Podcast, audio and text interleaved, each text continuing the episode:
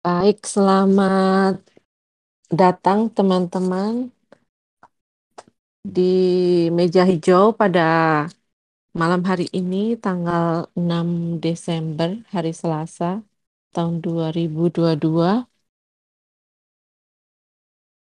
Terima kasih sudah bergabung pada malam hari ini di event kita eh, tentang mengenal bencana dan mitigasinya. Ini pas banget karena beberapa hari terakhir ataupun minggu terakhir eh, kita sempat diguncang gempa dan juga abu vulkanik di Semeru dan juga tadi eh, ada gempa juga yang terjadi di eh, pusatnya di Jember gitu ya. Nah, pas banget nih Growth Space. Kok ya mestakung ya kalau Bang John bilang eh, back by universe. Kita eh, kedatangan tamu agung nih Mbak Devi Wardani yang akan uh, membantu kita untuk menjelaskan mengenai bencana alam di Indonesia dan bagaimana mitigasinya. Oke, langsung aja Mbak Devi silakan memperkenalkan diri dulu, nanti boleh share screen-nya.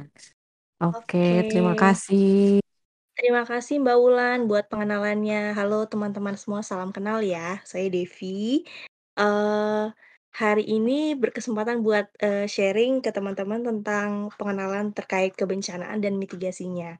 Jadi eh, sebelum kita ngobrolin lebih lanjut, mungkin eh, lebih awalnya adalah yang mau aku sampaikan adalah ini bukan buat membuat khawatir, bukan membuat takut, tapi dengan kita tahu eh, potensi bahaya apa saja, potensi bencana apa saja yang mungkin kita hadapi, eh, kita bisa tahu mitigasinya dan kita bisa lebih siap kalau nanti sewaktu-waktu eh, bencana itu datang eh, ke kita. Jadi kita punya kesiapsiagaan.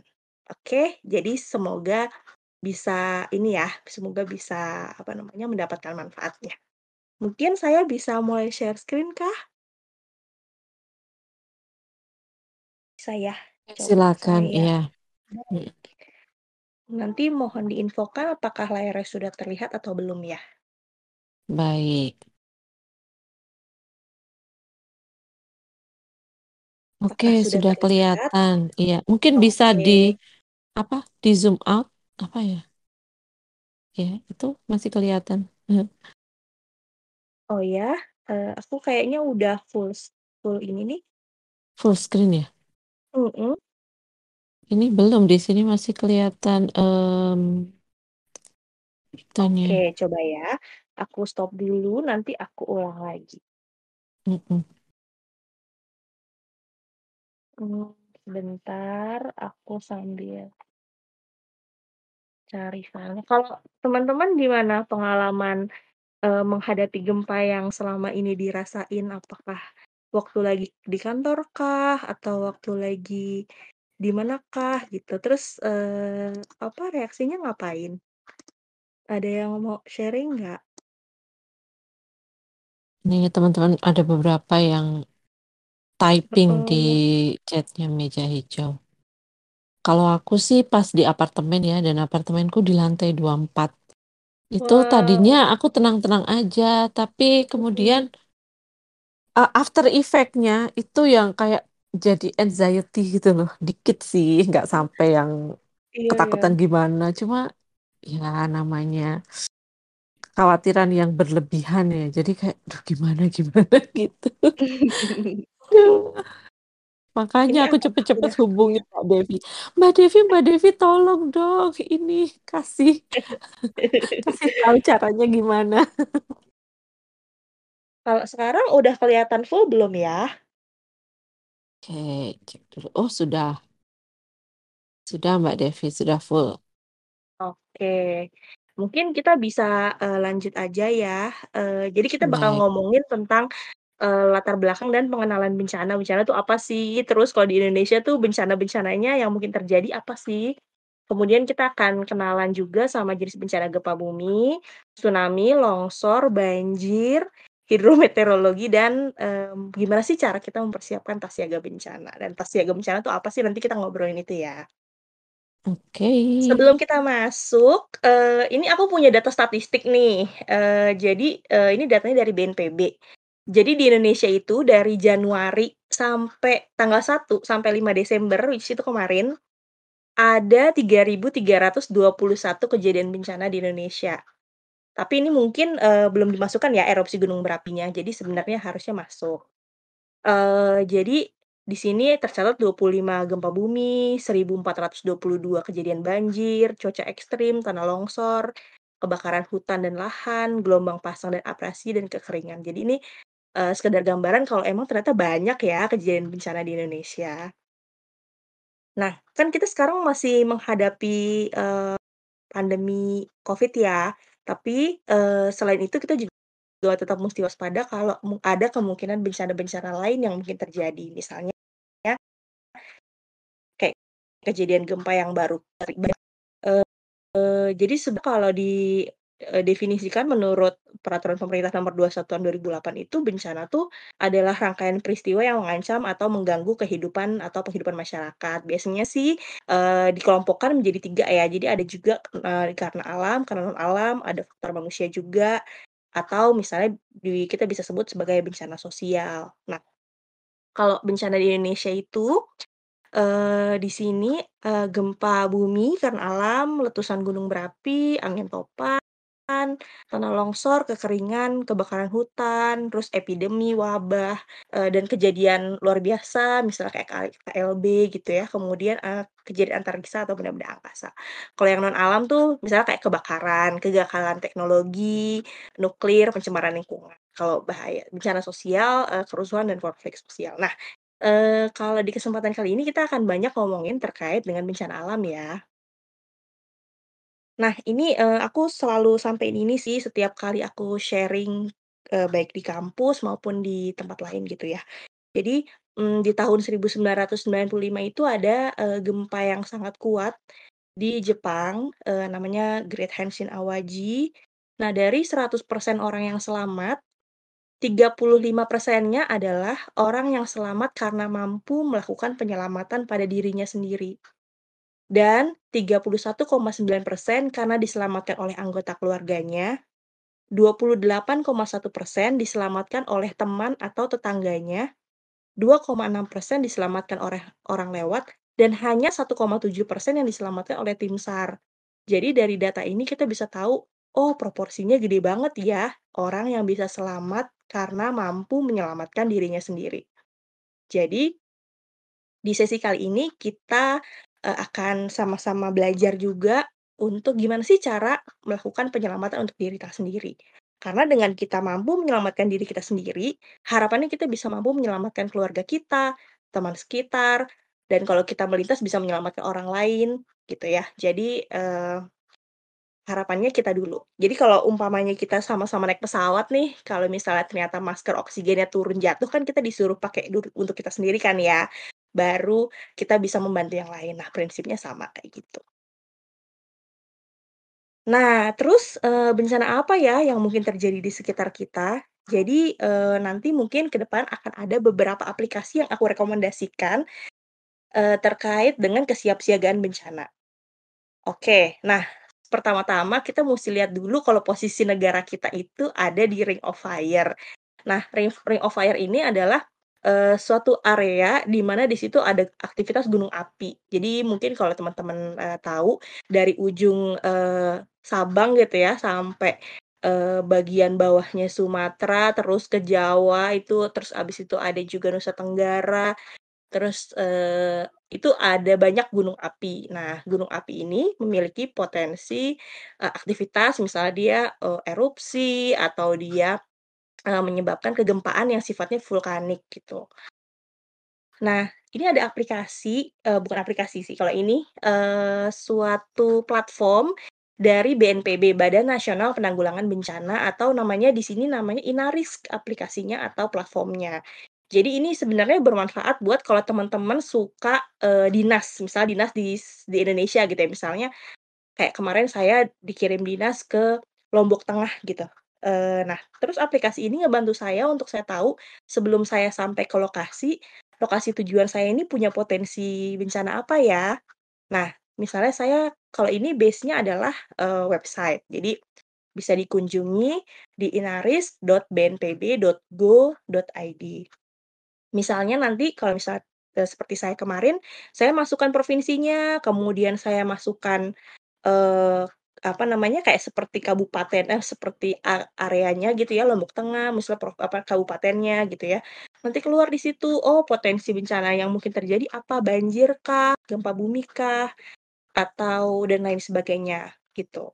Nah, kenapa sih kita perlu melihat ini? Nah, eee, kan kita kan datang ya dari suatu tempat yang bukan, eee, tempat kita bermukim. Jadi kita perlu mempersiapkan apa nih? Nah, ini sangat bergantung pada informasi apa yang akan kita hadapi di lokasi nanti. Nah, aplikasi ini kalau teman-teman mau download, dia punya juga, eee, yang pakai mobile, yang ada di aplikasi. Jadi ini aplikasinya Inaris Personal. Jadi nanti teman-teman masuk ke dalam aplikasi tersebut, terus teman-teman typing provinsinya atau daerahnya, eee, nanti akan dikasih tahu nih kalau di sana itu potensi bencananya apa, gitu. Nah, ini contohnya kemarin aku berangkat sama tim juga. Jadi kita mau ke sebuah pantai gitu ya, di daerah, eee, Lombok Barat gitu. Di situ, eee, ternyata ada potensi tsunami, ada potensi gempa bumi gitu ya. Jadi nanti muncul informasi-informasi apa saja yang, eee, potensi bencana apa saja yang mungkin akan kita hadapi. Nah, nanti dari aplikasi ini bisa diklik misalnya di tsunami, nanti ada informasinya kalau, eee, mau, eee, ke sana, apa yang perlu disiapkan terkait kesiapsiagaan tsunami. Kalau misal gempa bumi juga nanti, eee, bagian yang ini bisa diklik gitu ya. Jadi sebelum datang tuh apa yang musti kita persiapkan, pengetahuan apa yang harus kita miliki, kemudian saat terjadi gempa bumi kita harus ngapain, itu juga ada informasinya. Nah, nanti informasi-informasi ini, eee, saya akan sharing juga nanti di slide berikutnya ya. Oke, nah sekarang kita mulai masuk ke, eee, gempa bumi. Kita akan ngomongin gempa bumi. Nah, ini mungkin videonya suaranya nggak keluar, jadi nanti aku narasiin aja ya. Eee, jadi gempa bumi ini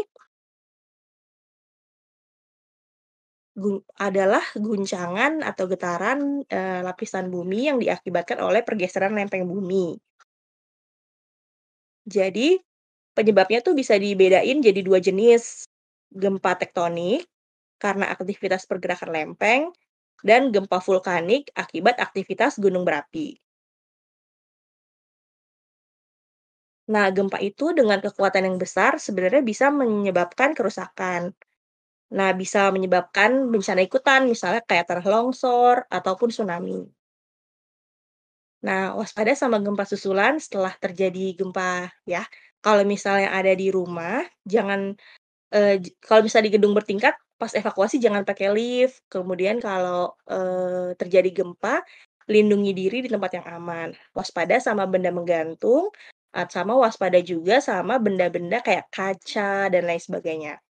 Kalau kita lagi ada di luar, sebenarnya kita berada di posisi yang paling aman. Jadi, eee, cuman perlu perhatikan beberapa informasi tadi kayak, tiang dan lain sebagainya. Nah, kalau kejadian gempa biasanya menyebabkan, eee, adanya kalau gempa yang kuat bisa menyebabkan adanya cedera. Nah, kalau cedera, eee, ini adalah tahapan-tahapan yang perlu kita lakukan untuk pertolongan pertama atau first aid-nya. Jadi, eee, tadi balut lukanya, kemudian kita, bal balut lukanya, terus kita bersihkan. Kalau misal lukanya berat, kita perlu bawa ke pelayanan kesehatan. Nanti kalau udah di pelayanan kesehatan, mungkin kita bisa direkomendasikan untuk, eee, tindakan selanjutnya, misalnya, eee, suntikan anti tetanus dan lain sebagainya.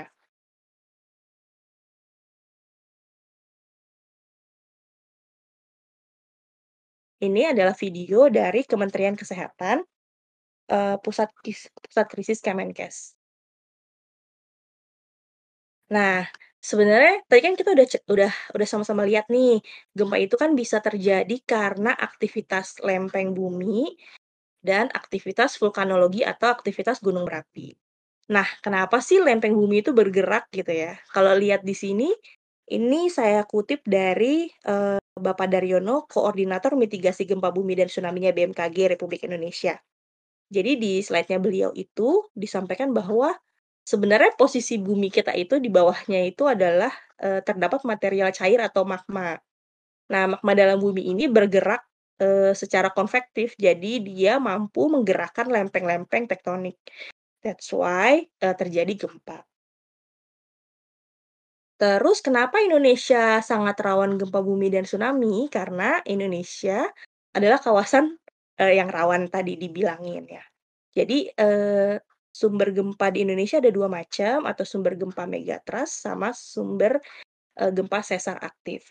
Jadi kalau megatrust itu disebabkan oleh zona subduksi, kalau teman-teman lihat di slide ini nih, yang ada segitiga-segitiganya itu, eee, lempeng. Jadi dia subduksi itu lempengnya menghujam ke bawah. Terus, eee, yang, warnanya merah, yang patah-patah kecil-kecil itu, itu namanya sesar atau patahan-patahan. Nanti, eee, mungkin ada di slide berikutnya kalau patahan-patahan itu, eee, aktif, nanti dia bergerak dan itu menyebabkan gempa. Kalau di Jawa, eee, ada beberapa sesar aktif, eee, jadi yang kalau dis kemarin itu, yang di Cianjur itu aktivitasnya dari sesar Cimandiri.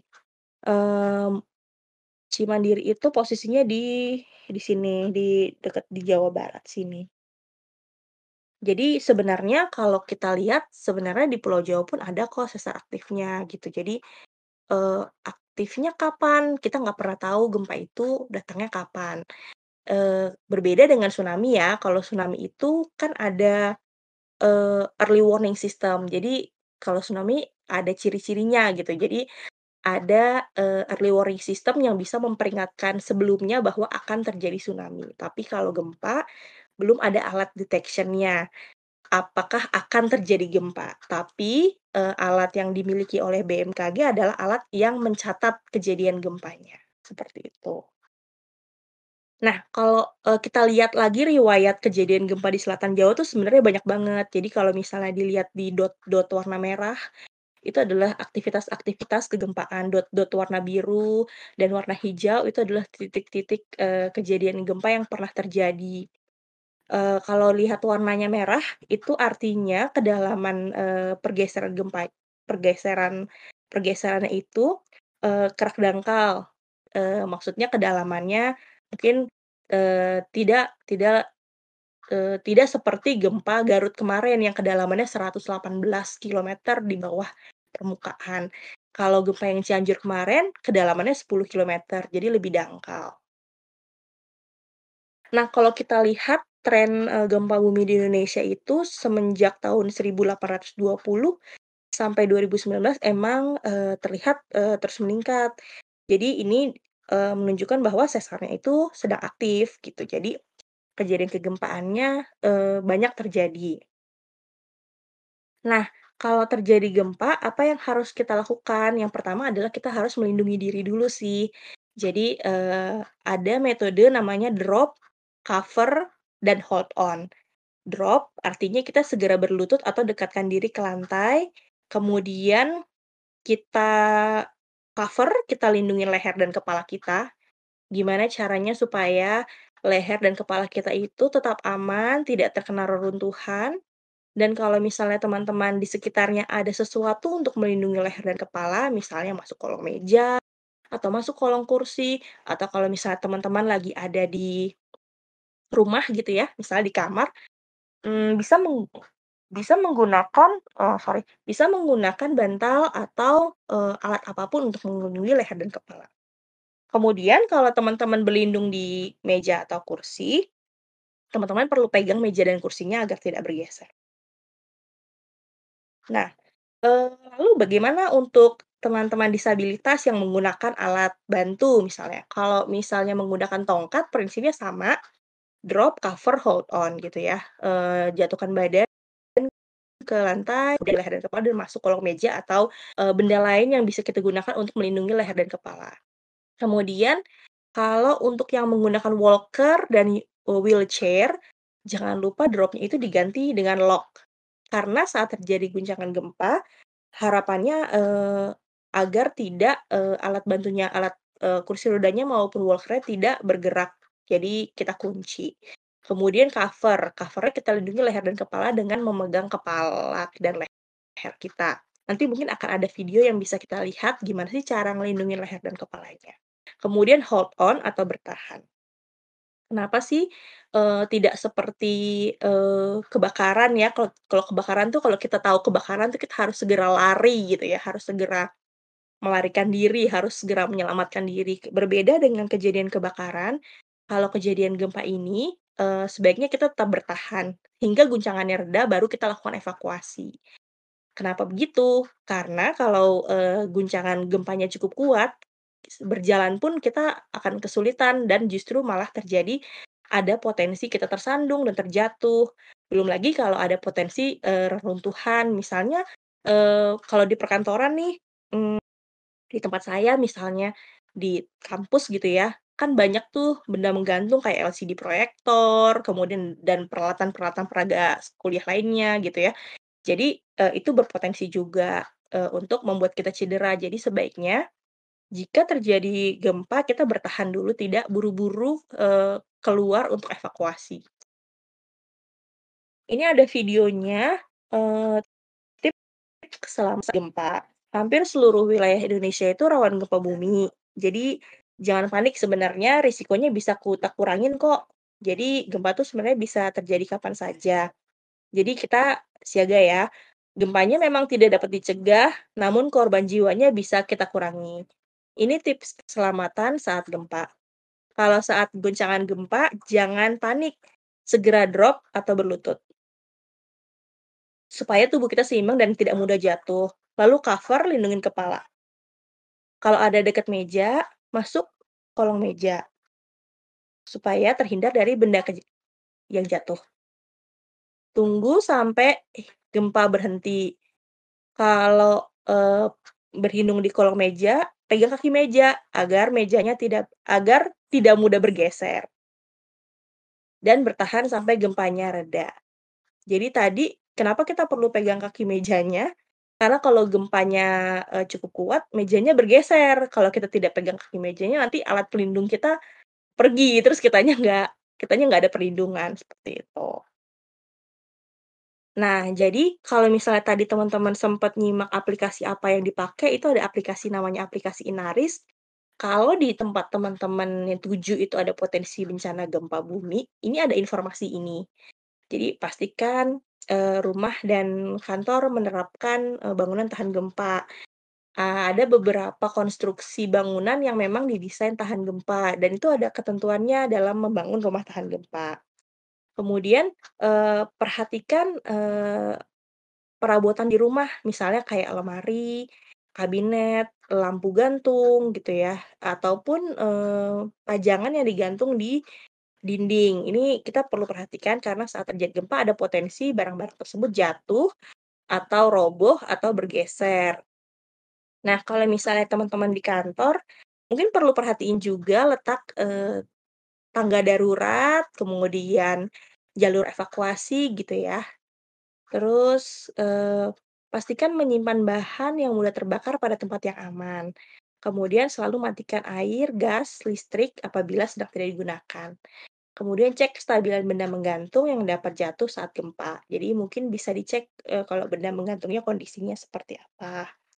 Nah, saat terjadi gempa, eee, kalau kita, eee, bisa berlindung di tempat yang aman gitu ya, jadi berada di dalam rumah sederhana tahan gempa, kita bisa pakai apa pun untuk melindungi, eee, apa namanya, melindungi leher dan kepala kita. Cari tempat yang paling aman, misalnya di kolong meja atau di sudut ruangan. Kalau kita udah berada di luar ruangan, kita perlu memperhatikan juga seperti tiang listrik, pohon gitu ya. Terus perhatikan juga tempat kita berpijak apakah terjadi rekahan tanah atau ada retakan yang mungkin membuat kita tersandung atau terjatuh. Kalau kita lagi mengendarai mobil, eee, kita bisa kita bisa mempercepat laju mobil kita kalau kita berada di underpass ataupun di flyover.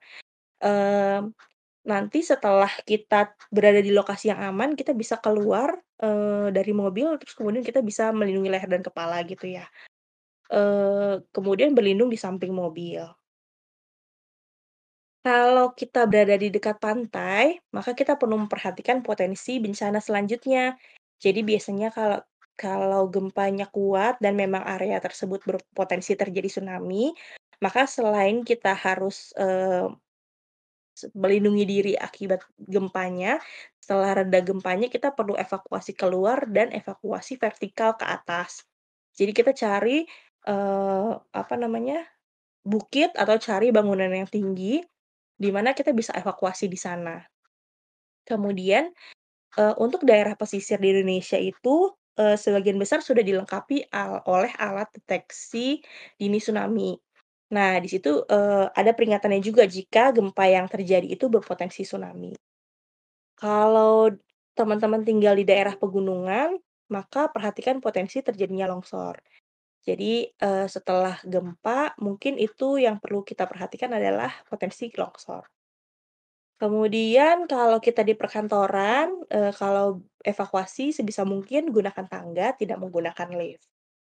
Kalau habis terjadi gempa, sepertinya kita juga harus memperhatikan apakah ada kabel gas yang lepas atau apakah ada kabel listrik yang putus, seperti itu, sebelum kita, eee, melanjutkan aktivitas kita. Karena kalau kita belum cek, ada potensi kebocoran gas yang nantinya bisa menyebabkan kejadian kebakaran. Jadi itu adalah aspek yang harus kita cek juga sebelum kita kembali beraktivitas ataupun, sesaat sesudah gempa terjadi dan masuk ke rumah, itu mungkin aspek yang perlu kita cek. Eee, ini tadi udah ya. Nah, eee, mungkin teman-teman pernah dengar juga selain drop, cover, hold on, ada juga metode segitiga kehidupan. Nah, metode segitiga kehidupan ini atau triangle of life ini adalah salah satu metode juga yang digunakan untuk berlindung saat terjadi gempa. Eee, tadi kan yang drop, cover, hold on itu sudah dijelaskan, eee, kita berlindung di kolong meja atau di kolong kursi, di mana ada objek di atas kita yang melindungi kita dari reruntuhan. Nah, kalau metode triangle of life ini, prinsipnya sedikit berbeda. Eee, prinsip triangle of life ini adalah kita berlindung di sisi objek, dengan pertimbangan jika terjadi reruntuhan maka akan ada akan ada ruang void di samping objek tersebut di mana kita bisa berlindung atau selamat. Nah, eee, kedua metode ini kalau di tempat saya, itu kita ambil yang baik-baiknya saja, maksudnya, eee, kita ambil yang benefit-nya saja. Jadi kalau kita di kondisi ada meja, kursi, atau ada tas, atau ada objek lain yang kita bisa gunakan untuk berlindung, maka kita gunakan metode drop, cover, hold on. Tapi kalau misalnya kita berada di ruangan yang nggak ada kursi, nggak ada meja, kita nggak bawa tas juga, nah kita bisa gunakan metode triangle of life. Jadi caranya kita cari pilar-pilar yang kuat atau cari pojok-pojok, eee, pojok-pojok bangunan yang strukturnya relatif lebih kuat daripada dinding yang lain, kemudian kita tetap lindungi leher dan kepala dan merunduk. Nah, karena saya bekerja di lingkungan kampus tentu, eee, ada ada kita punya beberapa riset yang, eee, kita apa, yang kita acu gitu ya. Jadi ada beberapa penelitian yang, bisa membandingkan 2 metode ini dari segi benefit-nya. Jadi kalau misalnya disimulasikan kejadian gempanya itu terjadi 3 jenis reruntuhan. Yang pertama itu reruntuhan kecil atau falling debris, eee, either itu, eee, batako yang, eee, rontok atau misalnya kayak lampu gantung atau seperti LCD proyektor gitu ya. Jadi metode yang paling aman adalah menggunakan metode drop, cover, hold on yang masuk kolong meja. Karena ada perlindungan di atasnya. Sementara kalau kita pakai, eee, metode triangle of life tidak ada perlindungan, sementara objek yang jatuh itu jatuhnya vertikal, jadi bisa tetap kena. Dan ini ada angka 1, ada angka 5, ini artinya adalah tingkat keparahan yang mungkin terjadi, gitu. Nah, kalau disimulasikan yang jatuh adalah plafon gitu ya, yang jatuh adalah plafon ini, di sini tetap metode drop, cover, hold on ini menjadi, eee, metode yang direkomendasikan. Mmm, selanjutnya jika yang runtuh adalah, mmm, ini ya, dinding eh, din dinding ya, dinding. Ini kedua metode ini bisa digunakan. Nah, mungkin di sini teman-teman udah familiar sama aplikasi BMKG ya. Jadi di sini ada, eee, di layar adalah tangkapan layar untuk aplikasi BMKG yang apps, yang aplikasi. Jadi, eee, BMKG ini, eee, menurut saya adalah aplikasi yang sangat bermanfaat sebenarnya untuk kita bisa mengakses informasi-informasi terkait gempa bumi. Tidak hanya itu, di BMKG juga ada informasi, eee, terkait dengan, eee, peringatan dini cuaca gitu ya. Jadi misalnya teman-teman mau aktivitas gitu ya, oh besok kayaknya akan ada hujan lebat, hujan deras, jadi itu bisa jadi suatu masukan atau referensi kira-kira kita bisa bikin acara outdoor nggak ya? Ya seperti itu.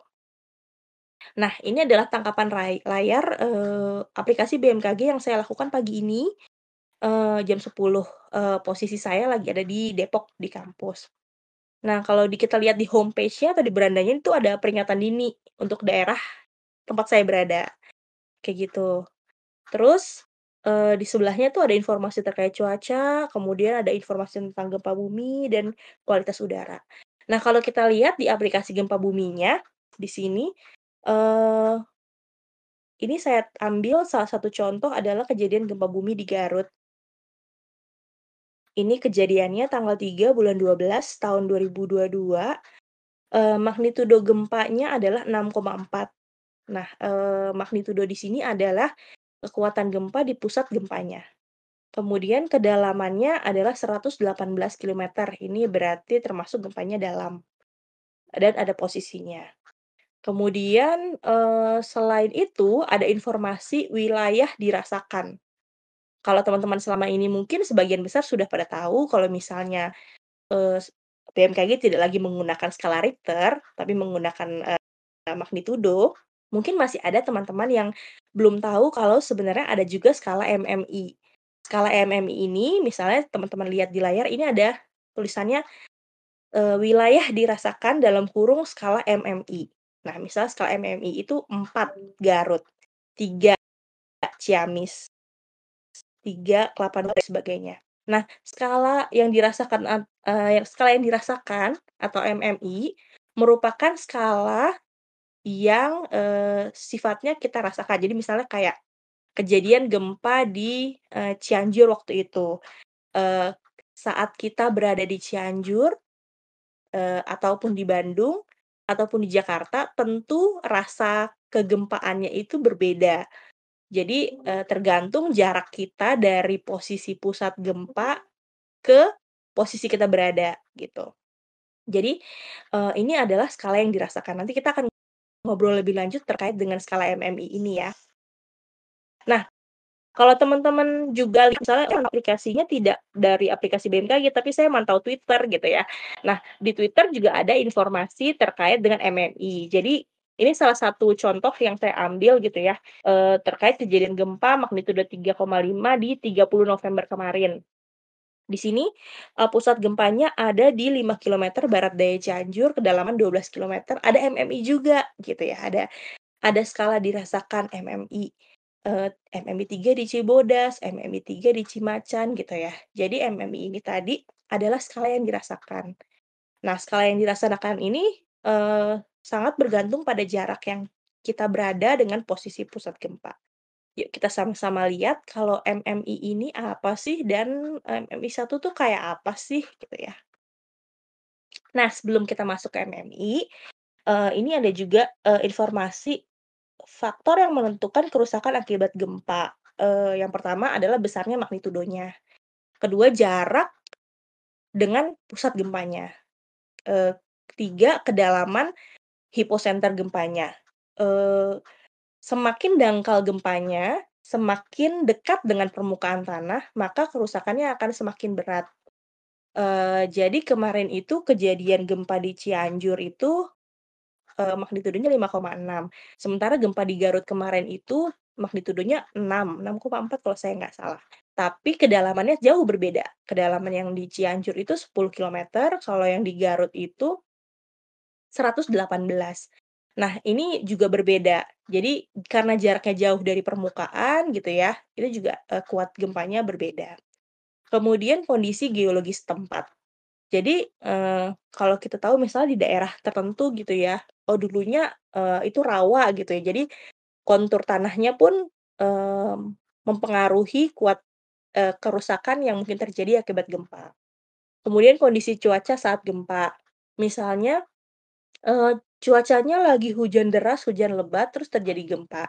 Jadi kan berarti ada potensi, eee, longsoran seperti itu dan makanya akan kemungkinan bisa memper apa ya, memperburuk gitu ya keja kerusakan yang mungkin terjadi. Kemudian yang 6 tentu saja kondisi bangunan. Jadi, eee, kondisi bangunannya seperti apa, konstruksinya, seperti itu. Nah, kita balik ke MMI. Skala MMI atau, singkat MMI adalah singkatan dari Modified Mercalli Intensity. Ini adalah skala kegempaan yang dirasakan. Kalau MMI 1, itu getarannya tidak dirasakan kecuali dalam keadaan luar biasa beberapa orang. Jadi sebagian besar tuh nggak ngeh, "Emang gempa ya? Emang iya?" Gitu. Terus kalau MMI 2, itu getaran dirasakan oleh beberapa orang, benda-benda yang ringan digantung bergoyang. Jadi mungkin sebagian masih ada yang nggak ngeh gempa, tapi ada orang yang lihat, "Kok, eee, lampu gantungnya goyang-goyang ya? Oh gempa ya?" Kayak gitu. Terus kalau MMI 3, itu rasanya tuh kayak kalau kita lagi duduk, terus di belakang tuh kayak ada truk lewat. Jadi udah mulai terasa nih gempanya. Jadi rasanya seolah-olah kayak di belakang kita lewat truk. Terus, eee, meningkat ke skala berikutnya, jadi ke semakin besar skala MMI-nya, maka yang dirasakan di sana semakin kuat gitu ya. Jadi kalau skala MMI 4 itu di siang hari itu dirasakan oleh orang banyak dalam rumah. Di luar oleh sebagian orang saja, karena kebanyakan kalau di luar kan beraktivitas ya, jadi nggak terlalu ngeh gitu ya. Nah, untuk objek-objek benda yang ditaruh di pinggir, eee, meja itu bisa bergoyang dan bisa jatuh. Kemudian untuk skala MMI 5, getarannya dirasakan oleh hampir semua penduduk, orang banyak terbangun gitu ya, eee, mungkin benda-benda jatuh, pecah gitu ya, dan, eee, apa, barang-barang tampak goyang-goyang. Kalau misalnya kita lihat, eee, apa namanya, eee, lemari kita goyang-goyang gitu ya, pin pintunya goyang-goyang dan lain sebagainya. Terus kalau MMI 6. MMI 6 ini kekuatannya jauh lebih, eee, kuat ya yang dirasakan. Ini, eee, sesuai gambarnya ini plester dindingnya tuh udah mulai copot, te terus kemudian banyak orang yang, eee, udah pada ngerasain gitu, semua kaget gitu ya. Terus, eee, sudah mulai ada kerusakan bangunan. Kalau skala MMI 7, itu semua orang sudah, eee, apa namanya, merasakan, eee, adanya gempanya, kemudian ada kerusakan ringan pada rumah-rumah dengan bangunan yang konstruksi baik. Nah, kalau konstruksinya kurang baik, sudah terjadi retak bahkan hancur. Jadi, eee, di MMI 7 ini seperti ini, dan terus sampai MMI 12. Jadi kalau teman-teman tertarik untuk tahu detailnya MMI itu kayak gimana sih, itu teman-teman bisa langsung ke website-nya BMKG, browse aja skala MMI, di sana informasinya jauh lebih lengkap, teman-teman bisa lihat. Terus sampai MMI 12, MMI 12 itu hancur sama sekali, gelombang tampak pada permukaan tanah, pemandangan menjadi gelap dan benda-benda terlempar di udara. Oke. Nah, eee, karena tadi kita sempat ngomongin soal gempa, eee, kalau teman-teman yang berada di daerah pesisir, eee, perlu memonitor, eee, peringatan dini tsunami. Jadi kalau gempa yang terjadi berpotensi tsunami, maka teman-teman harus melakukan evakuasi, selain evakuasi keluar ruangan, juga perlu evakuasi vertikal atau evakuasi ke tempat yang jauh lebih tinggi. Sebenarnya kejadian tsunami di Indonesia itu, eee, catatannya sudah banyak. Ini dari, eee, di tsunami di selatan Jawa ya. Jadi ini sudah terjadi 13 kali sebenarnya, eee, dari catatan yang ada. Eee, di tahun 2006 itu ada tsunami di Pangandaran, eee, dan sebelumnya ada 94. Dan kalau misalnya kita bicara se-Indonesia, kan kita juga sama-sama tahu juga pernah ada kejadian tsunami di, eee, Pulau Sumatera. Nah, eee, kejadian tsunami ini, eee, tidak hanya disebabkan oleh gempa. Kejadian tsunami ini bisa juga disebabkan oleh aktivitas gunung di bawah laut.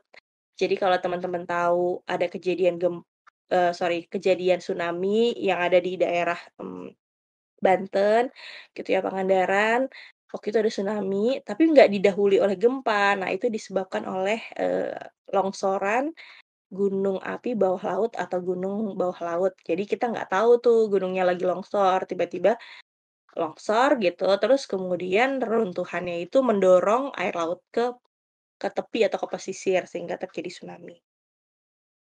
Oke. Eee ini, eee, informasi yang perlu kita ketahui sebelum terjadi tsunami itu pastikan akses keluar rumah memiliki kemudahan saat, eee, darurat. Jadi kalau bisa, eee, kita tahu akses pintunya. Kemudian memastikan daerah pesisir sudah ada tanaman mangrove buat nanti kalau terjadi tsunami ada bariernya gitu. Dan kita kenali jalur atau rute menuju tempat tinggi atau dataran tinggi, eee, bangu atau bangunan, eee, kalau bisa bangunan yang lebih dari 3 lantai gitu untuk melakukan evakuasi. Nah, kemudian saat terjadi tsunami, eee, segera lari menjauhi pantai, jangan lari sejar pantai. Jadi kalau bisa kita menjauh dari pesisir. Kemudian lari ke tempat yang lebih tinggi, naik ke bangunan. Jadi jangan naik mobil gitu ya. Jadi kita, eee, tidak menggunakan kendaraan. Kalau kita, eee, ada peringatan tsunami gitu ya, terus kemudian posisi kita berada di laut, eee, pacu kapal ke tengah laut. Jadi bukan ke pesisir gitu ya. Jangan kembali ke sekitar pantai s hingga ada informasi kondisi aman atau peringatan informasi peringatan dini tsunami-nya sudah dicabut. Seperti itu. Nah, ini juga ada informasi panduan langkah evakuasi darurat, peringatan dini tsunami. Jadi di sini ada informasi, eee, PDT-1 artinya informasi gempa bumi dengan informasi potensi tsunami, kemudian juga, eee, pemutakhiran informasi dengan parameter gempa bumi, informasi tiba waktu ketinggian tsunami, dan lain sebagainya. Kemudian ada tingkatan level peringatan dini tsunami. Jadi, kalau kategorinya waspada, maka diperingat diperkirakan tinggi tsunami yang tiba kurang dari lima 0,5 meter.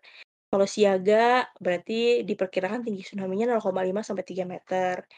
Kalau awas gitu nanti statusnya berarti tsunami yang akan tiba melebihi 3 meter gitu. Nah, eee, tadi kan kita udah ngobrolin soal gempa, tsunami. Nah, gimana kalau, eee, kita lagi berada di pegunungan? Nah, kalau di pegunungan atau di perbukitan, ada potensi tanah longsor. Jadi, eee, apa yang musti kita persiapkan, jadi pertama kita musti tahu dulu, oke, eee, saya berada di daerah, eee, perbukitan, ada potensi longsor. Jadi, eee, kita musti waspada kalau curah hujannya tinggi juga, gitu. Kemudian di sini disarankan untuk mempersiapkan dukungan logistik, misalnya kayak makanan cepat saji, minuman gitu, lampu senter, uang tunai, dan lain sebagainya. Nanti kita bicara tas siaga bencana di sesi terakhir ya. Kemudian pantai informasi pantau informasi dari radio terkait informasi hujan dan kemungkinan tanah longsor. Apabila ada peringatan untuk evakuasi, maka lakukan evakuasi. Saat terjadi longsor, apabila terdengar suara gemuruh, segera keluar dan cari tempat lapang dan tanpa penghalang. Kalau kita ada di luar, cari tempat lapang dan perhatikan sisi tebing atau tanah yang mengalami longsor. Jangan segera kembali ke rumah, perhatikan apakah ada longsor susulan. Seperti itu. Kemudian, apabila diminta membantu proses evakuasi, maka gunakan alat pelindung diri ya. Kemudian perhatikan kondisi tanah sebagai pijakan yang kokoh. Oke, tadi gitu gambaran terkait dengan longsor. Sekarang kita ngomongin soal banjir. Eee, jadi sebenarnya ada beberapa hal yang, eee, perlu kita ketahui. Yang pertama adalah biasanya kalau, eee, rumah rawan banjir atau kita berada di area rawan banjir, kita perlu tahu juga nih, eee, ketinggian rumah kita dan bangunan kita kalau kita berada di, eee, area rawan banjir. Kemudian kita juga perlu, memastikan panel kita cukup tinggi, panel listrik kita cukup tinggi. Jadi kalau terjadi banjir tidak ada short circuit yang membuat, potensi bahaya tersengat listrik.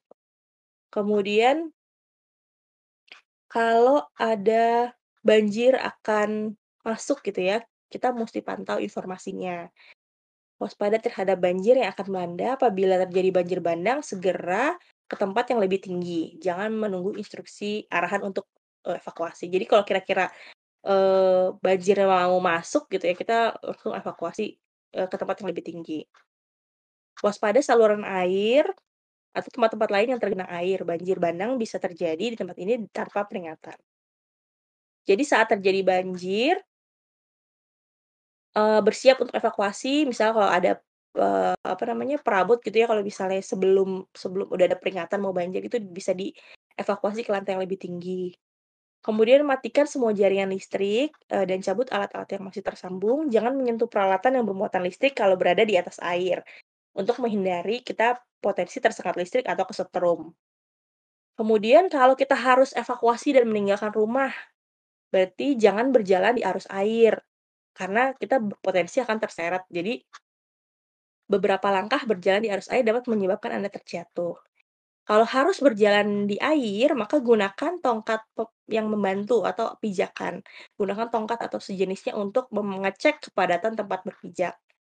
Jadi jangan karena nggak kelihatan ketutupan, jangan sampai kita masuk ke, eee, lubang saluran air, atau kita masuk ke, apa namanya, eee, lubang jalan gitu ya. Jadi kita pastikan bahwa kita berj berjalan di tempat yang aman.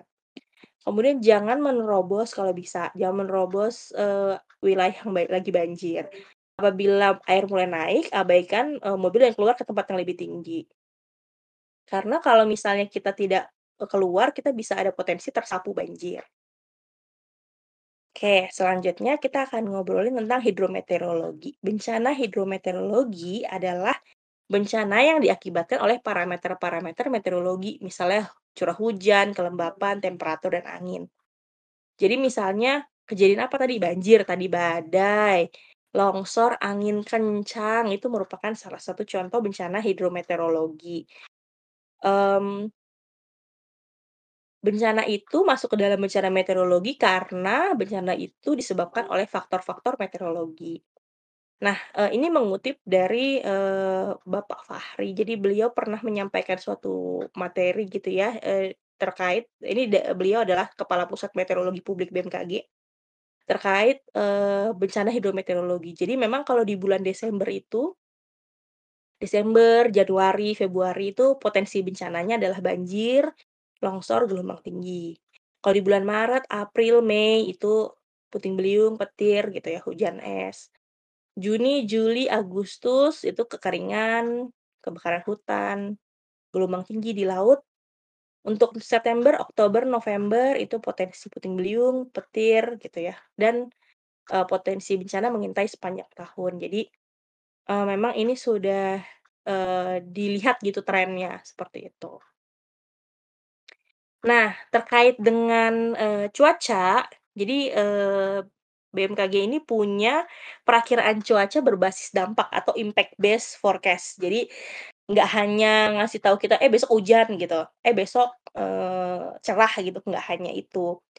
Jadi, eee, sekarang udah dikasih tahu juga kalau itu hujan lebat kira-kira sampai kayak apa sih dampaknya, misalnya kayak gitu. Nanti kita bisa sama-sama lihat. Nah, eee, si impact based forecast ini atau IBF ini disajikan, eee, rekomendasi respon atau langkah yang harus dilakukan sama kita. Jadi nanti kita bisa lihat kalau misalnya besok, eee, potensinya hujan lebat banget misalnya di Jakarta Selatan gitu ya, terus apa yang mesti kita siapin, kemudian, eee, dampaknya sejauh mana itu nanti juga kita bisa lihat. Kalau untuk ini yang lagi tersaji adalah informasi perakiraan Eee, cuaca berbasis dampak hujan lebat untuk tanggal 6 pagi tadi jam 7 sampai besok jam 7. Eee, jadi kalau di sini li dilihat sih yang potensi wilayah yang terdampak ada Aceh, Jawa Barat, Jawa Tengah, eee, Yogyakarta, Banten, eee, untuk yang siaga. Selebihnya waspada. Kemudian, eee, ini juga ada, eee, informasi terkait dengan impact based forecast tadi di kalau mau akses di signature.bmkg.go.id. Jadi kalau teman-teman lihat, eee, di tanggal 6, 7 itu ada kayak segitiga peringatan, itu artinya keluar peringatan dini cuaca ya. Jadi BMKG mengeluarkan peringatan dini cuaca. Kalau teman-teman lihat ada totol-totol warna kuning, itu artinya daerah tersebut besok berpotensi atau saat itu berpotensi terjadi hujan. Hujan lebat atau hujan, eee, intensitas sedang. Nah, jadi dari totol-totol kuning ini kita bisa lihat, eee, lebih jauh misalnya di-zoom in gitu ya. Misalnya, eee, saya zoom in di daerah, eee, dekat saya berada gitu ya. Di Jakarta.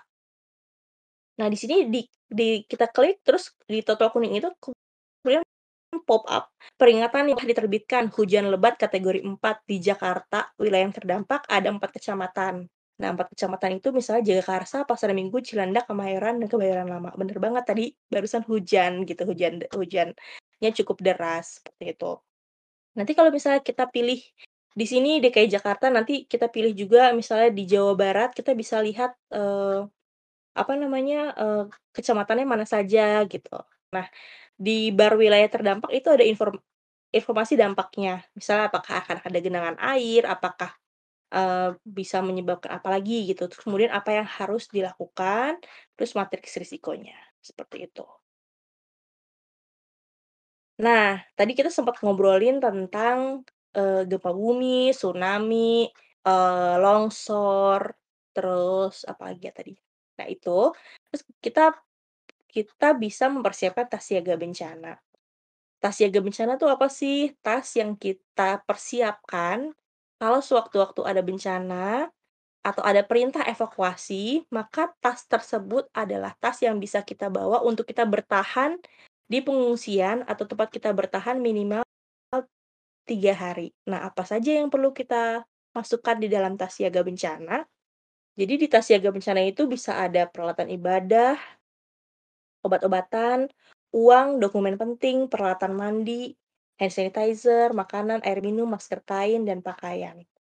Kalau saya punya tas siaga bencananya kayak gini. Jadi, eee bisa di-customize sesuai kebutuhan. Kalau saya punya tas siaga bencana tuh kayak tas biasa aja gitu. Eee, isinya dokumen berharga dan uang, misalnya ada dokumen ijazah, dokumen, apa, akta kelahiran gitu ya, dokumen-dokumen berharga yang saya masukkan ke dalam map yang saya seal dengan plastik. Kemudian ada biskuit dan air, kemudian ada kotak P3K, ada aneka pakaian, ada maksudnya ada pakaian yang akan digunakan saat evakuasi, kemudian ada emergency blanket, eee, dengan aluminium foil, kemudian ada senter dan ada, eee, handuk, serta ada jas hujan dan sleeping bag. Nah, eee, tas siaga ini, eee, sangat bergantung pada kebutuhan setiap orang. Jadi tas siaga bencana saya dan tas siaga bencana bagi orang yang memiliki bayi atau memiliki anak kecil gitu ya, itu berbeda karena kebutuhannya tentu berbeda gitu, dari pakaian, dari, eee, peralatan lainnya. Nah, kalau di kantor gimana nih? Kalau misalnya kita di kantor, eee, disarankan kalau dulu tuh bilangnya, "Pokoknya ada bencana, ada kebakaran, pokoknya tinggalin semuanya, langsung evakuasi," gitu ya. Kita tidak rekomendasikan. Nanti kalau misalnya kita tinggal semuanya, terus kunci rumah, kunci mobil tuh ketinggalan di bangunan yang kebakaran misalnya, terus kita timbul bencana baru di rumah, nggak bisa masuk rumah gitu kan. Nah jadi, eee, biasakan diri untuk tidak menyimpan barang-barang berharga di atas meja secara berantakan gitu. Jadi kalau bisa kita taruh di satu tas gitu ya, jadi nanti saat diminta evakuasi kita bisa langsung grab fast, eee, and go gitu. Eee, mungkin itu slide presentasi sa eee, sharing dari saya, terus, eee, ada satu kutipan yang saya suka banget dari almarhum Bapak Bernardus Wir Wisnuwijaya, beliau adalah tokoh, eee, Indonesia dari BNPB, dia bilang bahwa, "Tidak ada yang mengatakan bahwa kita siap menghadapi bencana. Yang ada hari ini itu lebih siap daripada kemarin, dan besok itu lebih siap dari hari ini." Thank you, makasih udah, eee, dengerin, eee, sharing aku ya. Makasih Mbak Devi. Waduh sharing-nya bener-bener, apa ya, eee, insightful untuk kita jadi aware nih sama potensi-potensi bencana yang terjadi di, eee, negara kita terutama. Tadi aku rada-rada yang, "Hah, bencana ada trennya, tiap bulan trennya apa?" Gitu. Waduh, terus, eee, kayak mempersiapkan tas juga itu yang aku pikirin apa coba? Yang Apa tuh, tuh skincare. Skincare Nah, kalau itu matters kalau itu matters, go ahead gitu. "Oh my God, aku harus bawa sunscreen." Iya, itu jadi memang heeh. Apa yang matters Bener. buat kita ya. Orang Heeh, lain yang bawa popok, bawa apa, skincare. Heeh, Mbak, betul. Jadi tadi Aduh. aku bilang, jadi sebenarnya tas siaga bencana itu customizable, tapi prinsipnya adalah dia adalah, eee, alat yang kita bawa kalau kita sewaktu-waktu minta evakuasi. Sebenarnya kan orang-orang bilang gini, "Ih, kalau tinggal di tempat di Jakarta mah ngapain nyiapin tas siaga bencana?" Hei, tunggu dulu. Bencana itu tidak hanya misalnya kayak tsunami atau apa. Kalau misal kebakaran, kebakaran kan harus evakuasi tuh. Jadi emang harus dibawa tasnya biar biar selamat itu semua barang-barang gitu. Itu sih, Mbak. Iya, betul. Dan ini kalau Mbak Devi tadi kan ada kayak biskuit-biskuit gitu ya. Terus ada lagi kayak makanan lainnya kah kayak apa ya? Maksudnya berapa beratnya itu tas siaga bencana 7 kilo? Jadi uh, kalau kalau kalau uh, beberapa yang main ke BM, BNPB gitu ya, mereka punya display tas siaga bencana. Uh, itu bisa diisi mie instan, bisa diisi um, makanan kaleng. Pokoknya itu prinsipnya adalah makanan-makanan yang tahan tahan lama gitu ya. Kalau misalnya teman-teman pernah tinggal di Jepang gitu ya, ada juga kayak kit makanan emergency gitu juga bisa yang tahan lama kayak gitu mbak. Oh, atau mungkin kayak makanan tentara-tentara gitu ya, ransum-ransum gitu ya. iya ada kan, jadi uh, ada juga tuh yang kayak gitu. Jadi makanan instan juga bisa, hmm. tapi jangan lupa karena itu namanya tas siaga bencana, jadi mungkin jarang ditengok, jadi perlu dicek makanannya udah expired apa belum seperti itu. sih, jadi mesti dicek apa berkala ya, mungkin tiap tiga bulan atau enam bulan sekali gitu kan. Tahun sekali aja mbak, aku mah. Oh setahun sekali, oke okay, baik. Oke, teman-teman, ini adakah pertanyaan buat Mbak Devi terkait dengan mitigasi bencana atau mungkin persiapan tas? Oh baik, silahkan Firia langsung aja.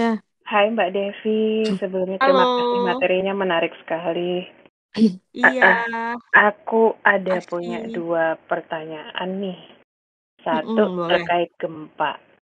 Mm -mm. Uh, aku ini tinggal di Jakarta di apartemen lantai depan mm. sih. Kalau ada gempa lumayan lah kerasa. Terus uh, biasanya setelah itu kan evakuasi turun ke master point gitu. Nah, pertanyaanku adalah kan kita uh, stay dulu di sana menunggu siapa tahu ada gempa susulan gitu kan ya. Hmm. Nah pertanyaanku gempa susulan itu menunggunya tuh berapa lama sih? Soalnya kalau di paling nggak di tempatku ya itu sebenarnya nggak ada yang tahu pasti gitu. Kapan sih sebenarnya sudah aman untuk naik lagi gitu. Kalau kayak kemarin yang Cianjur itu kerasanya lumayan, dan sebenarnya ada gempa susulan tapi ternyata tempatku enggak gitu.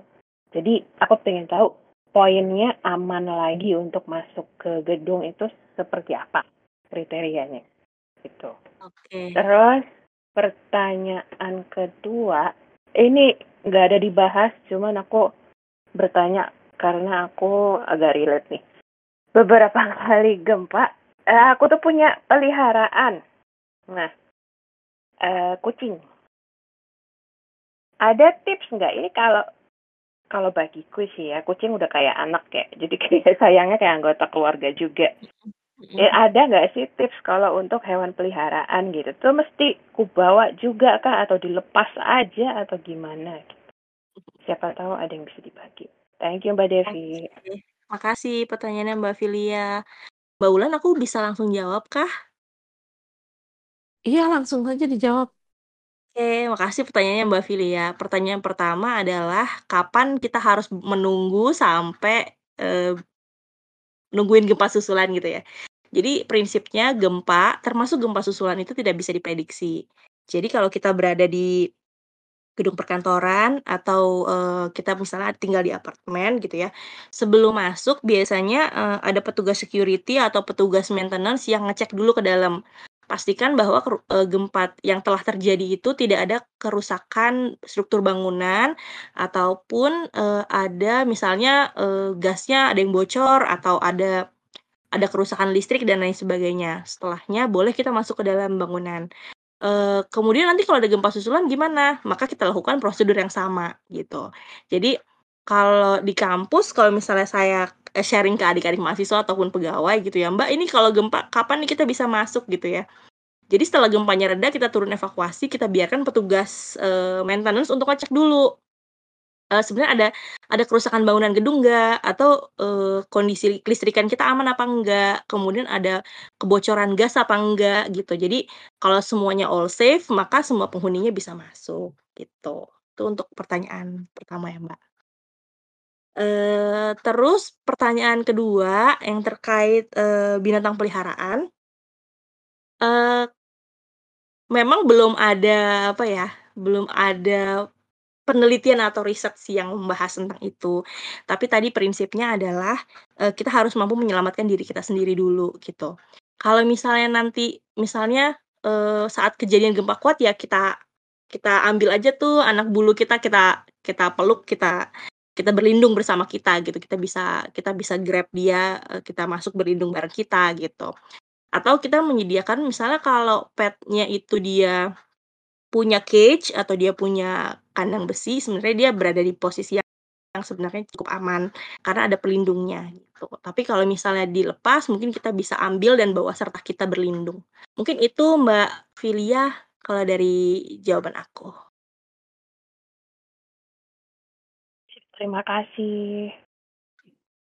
Tuh katanya Mbak Ulan tuh bawa Royal Canin sekilo. Buat juga pengungsian.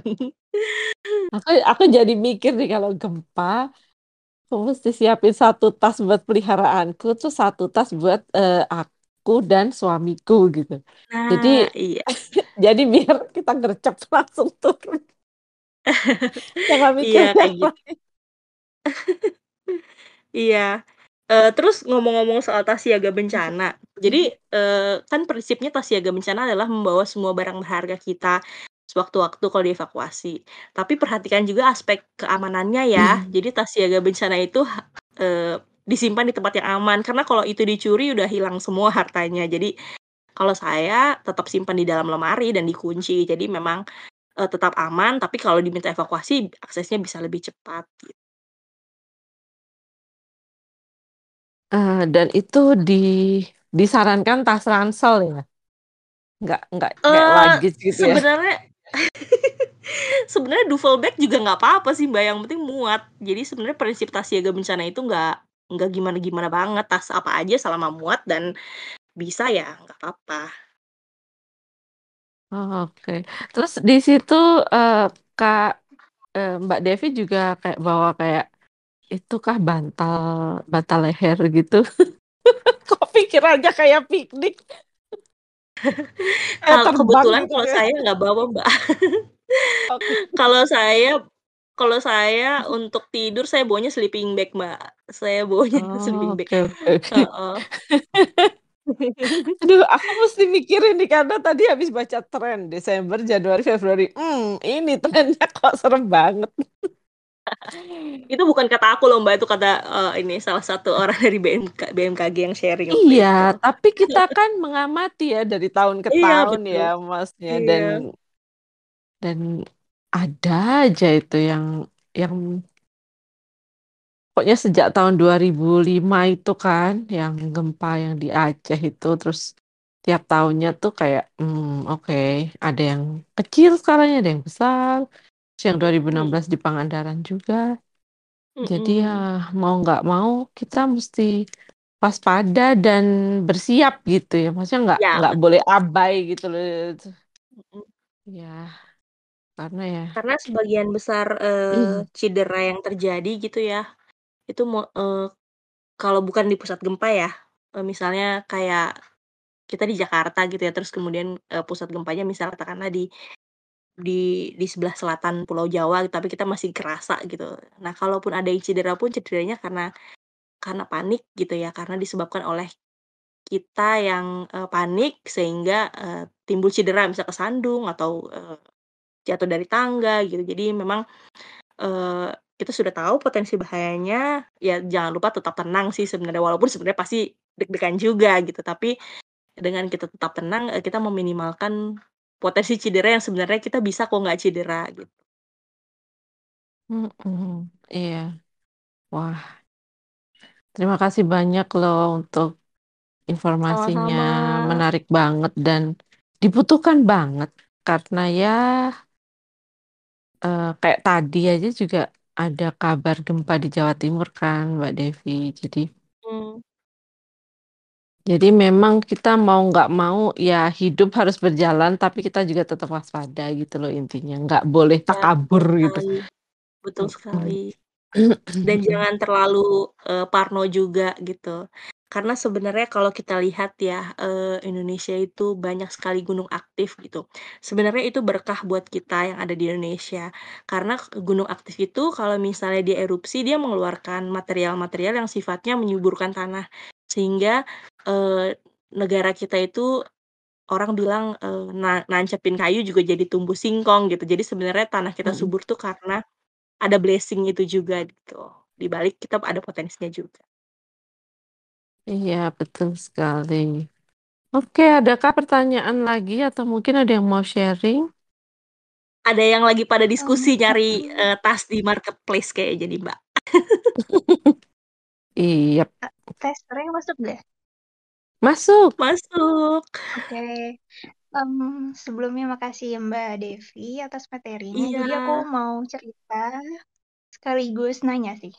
Uh, jadi aku Boleh. tuh tinggalnya di dulu, eh ya domisilinya tuh di Sumbaksel, Sumatera bagian selatan. Jadi kalau ingat gempa 2009 Mm-mm. di Sumatera Barat tuh, nah jadi rumah rumah aku di kampung tuh jaraknya 3 km dari pusat gempa di Malala. Kalau pada ingat gempa yang gede banget yang sampai bawah apa tuh Iya. tanahnya tuh Mm-mm. masuk ke bawah setinggi pohon Mm-mm. kelapa 15 meter lebih gitu kan. Nah, jadi itu Mm-mm. rumahnya hancur. Di, menurut aku tuh kalau dulu ya kan waktu itu aku masih kayaknya masih SD kelas 5 apa kelas 4 gitu. Jadi kalau eh, di sana kayaknya kurang apa sih Mbak namanya? Kalau orang warga di desa kan kayak kurang pengetahuan gitu loh. Kalau di sana tuh oh eh, ternyata eh, rawan, tapi setelah kejadian itu tuh baru tuh eh, banyak info-info terkait gempa. Walaupun sebelum gempa gede itu emang kita udah kayak kalau di sekolahan aku dulu tuh kayak eh, apa tuh eh, semacam simulasi evakuasi gempa yang tadi itu. Oh. Kalau kita di SD Iya. kan kayak ada yang eh, masuk ke kolong meja Kolong atau ada meja. yang Iya. keluar Mm-mm. gitu. Mm-mm, itu sih. Terus, nah, aku tuh ingat tadi mbaknya bilang eh, buat evakuasi ke daerah tinggi. Tapi tuh sayangnya kalau evakuasi daerah tinggi kan biasanya tuh waktu tahun berapa ya gempa lagi? 2012 gitu ya, apa 2011 aku lupa. Nah, di situ kan orang warga udah pada melek nih, udah tahu kalau kita harus evakuasi ke daerah tinggi dan pemerintah juga udah ada ngasih uh, pemberitahuan itu, bahkan udah ada pelang-pelang kayak jalur evakuasi gitu-gitu kan. Nah, kemudian timbul masalahnya nih Mbak, saat semuanya berkerumun di uh, jalur evakuasi itu, jadi macet di jalur evakuasinya. Nah, di situ kan kita berarti nggak bisa lewat dan berakhir dengan stuck gitu di jalanan, semuanya pada ke arah yang sama gitu. Di situ sih masalahnya kayak, wah mau ke mana nih, mau evakuasi tapi uh, pada jalurnya sendiri tidak bisa dilewati. Terus kemudian oh ya terkait bangunan tahan gempa sendiri itu kan menurut aku pasti perlu ya uh, dengan profesional kan kayak udah ada arsitek dan segala macam. Sedangkan untuk kita rumah warga biasa tuh belum tentu seperti itu. Nah, karena waktu gempa 2009 itu beberapa tahun kemudian kan aku masuk SMP tuh. Bangunan SMP-nya itu kan hancur juga sampai ke tanah berantakan. Dan kemudian dapat uh, bantuan dari Jepang untuk uh, si bangunan itu dibangun kembali. Dan itu tuh kayaknya menurut aku udah sesuai dengan standar Jepang gitu sih Mbak. Soalnya uh, daerah mereka kan kayak udah tahan juga lebih punya uh, punya struktur khusus kan biar gimana tahan gempa. Dan sayangnya itu bangku, baru aku coba bangunannya itu kayaknya udah mau kelas 3 SMP gitu. Jadi aku selama dua setengah tahun di uh, bangunan apa namanya darurat di triplek gitu. ya, jadi ya sebagai yang dan kita tuh tiap tahun kayaknya tiap berapa pihak seenggaknya setiap tahun sih pasti ada simulasi bencana gitu dari kebakaran namanya wilayah Sumatera Barat itu kan apalagi aku di pinggir pantainya kan kita jadi kayak uh, dan tiap tahun juga kayaknya ditinggiin gitu pembatas dengan batu-batuannya gitu iya iya Nah, tapi sayangnya nih, Mbak, menurut aku mau cerita juga. Kan dulu, uh, kalau misalnya tahu di Bandung kan pinggiran jalannya kayak di apa sih, dicor gitu ya, dikasih kursi gitu. Dan di Sumatera Barat tuh di Kota Padang tepatnya tuh sekarang kayak gitu juga. Padahal sebelumnya uh, dikasih cuman apa sih namanya paving block. Paving block kan lebih nyerap Hmm. air ya. Sedangkan Hmm. kalau dicor tuh airnya kan cepet naik. Nah sekarang itu sih uh, isunya juga. Aku jadi mikir kalau kayak hujan bentar kita di jalur utama misalnya nih di namanya tuh kali Katip Sulaiman. Kayak kalau hujan dikit aja tuh udah naik airnya. Dan sedangkan Katip Sulaiman tuh dari pinggir pantai itu kayaknya nggak nyampe 15 menit gitu, Mbak. Jadi aku kebayang Hmm. aja kok pemerintahnya kayak gini gitu. Sekalian curhat, aduh maaf. ya itu sih kayak uh, kurang gimana ya. Sedangkan isu-isu gempa tuh ya selalu ada dan tiap tahun terjadi. Walaupun Iya. kan kayaknya uh, di berita tuh uh, tanpa bermaksud ya lebih Jawa sentris ya. Sedangkan kita di Sumatera tuh sebenarnya kan di sini kayak gempa 3,6,4 tanpa merendahkan ya gempa 6,4 di Jawa mana gitu. Langsung masuk berita. Sedangkan kita di Sumatera udah 6 kemarin ini sih. Hmm. beberapa hari yang lalu 6, juga tapi oh kok nggak ada berita nasional gitu? Apakah gimana? Itu sih. Ya maaf panjang curhatnya ya. Nggak apa-apa mbak. Terima kasih sharingnya. Tadi yang pertama itu Iya. uh, sempat juga terkait dengan evakuasi ya. Itu tadi uh, aku sampaikan makanya tidak direkomendasikan evakuasinya pakai kendaraan. Jadi tetap uh, disarankan untuk berjalan sih. Uh, terus kalau ada stuck gimana? Tetap harus evakuasi. Jadi memang ya ya memang kan tujuannya adalah evakuasi ke atas ya. Jadi kita memang memang kecuali uh, kita tahu uh, rute lainnya rute alternatif lainnya untuk uh, bisa uh, mencapai tempat yang lebih tinggi kalau uh, di 2018 kemarin saya kesempatan belajar ke Jepang uh, terkait dengan bencana juga. Jadi mereka itu di sana memang tidak ada bukit, tapi mereka membuat bangunan untuk evakuasi masyarakat. Jadi, mmm, seperti ada, apa namanya, bangunan yang cukup tinggi gitu, jadi itu nanti diakses oleh masyarakat untuk jadi titik kumpul. Eee, kalau, eee, yang saya ketahui di daerah Sumatera Barat itu sudah pemerintahnya sudah me membuat jalur evakuasi juga. Jadi, eee, mungkin eee, kita bisa lihat, eee, alternatif, eee, titik evakuasi lainnya kalau memang, eee, ternyata ada penumpukan yang tidak memungkinkan kita untuk bisa mengakses area tersebut. Jadi, mmm, dari tadi, eee, informasinya adalah sebisa mungkin tidak menggunakan kendaraan, sehingga kita bisa evakuasi dengan berjalan atau berjalan cepat, seperti itu. Tadi itu untuk yang, mmm, terkait dengan evakuasi. Terus apalagi tadi ya? Ceritanya banyak nih. Mmm. Ini lebih banyak cerita sih tadi, Mbak. Oh iya, yang bangunan tahan gempa ya? Eee, di Iya. sekolahnya Mbaknya ya? Eee, jadi Mhm. sebenarnya kalau kita lihat struktur bangunan tahan gempa tuh sebenarnya rumahnya tuh kotak, that's it. Jadi memang memang bangunan bangunan tahan gempa tuh mostly kotak doang gitu. Jadi memang dari segi estetis tuh emang ya ya kotak aja gitu. Eee Kotak polosan memanjang gitu aja. Iya betul, biasanya emang kayak gitu.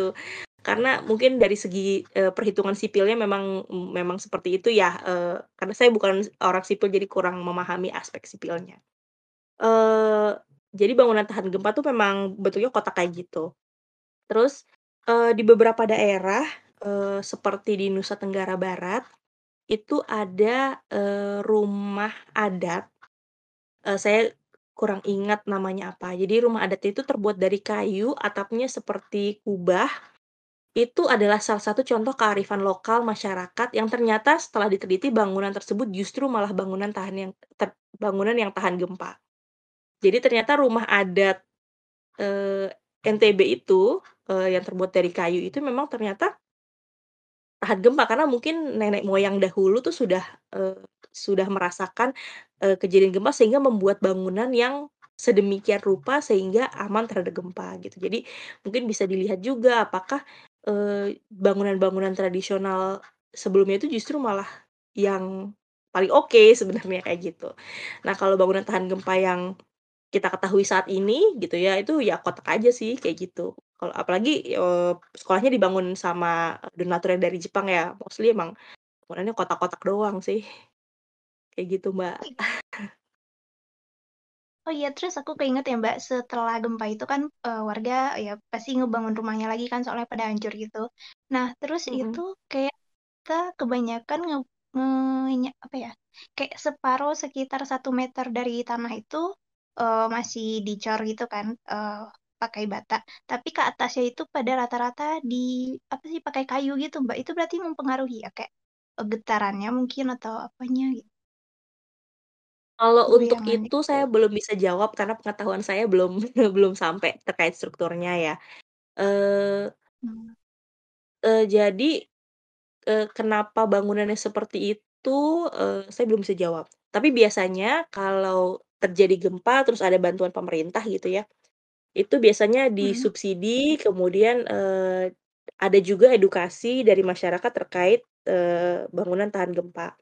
Jadi kalau prinsip dari penyelenggaraan penanggulangan bencana itu ada tiga fase. Fase bencana uh, pertama adalah prabencana. Prabencana ini di mana uh, sebelum terjadi bencana uh, BNPB itu mengedukasi masyarakat. Saat bencana itu adalah saat uh, BNPB melakukan respon.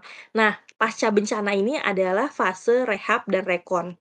Rehabilitasi dan rekonstruksi. Nah, di situ adalah uh, gimana caranya membangun ulang lebih baik gitu. Jadi mungkin itu salah satu program pemerintah gitu ya. Jadi uh, dalam fase pasca bencana atau dari fase rehabilitasi dan rekonstruksi, mungkin itu, Mbak. Kalau dari strukturnya saya kurang paham sebenarnya untuk apakah itu sudah termasuk kategori bangunan atau, uh, tahan gempa atau bukan, seperti itu. Hmm, oh iya, terima kasih.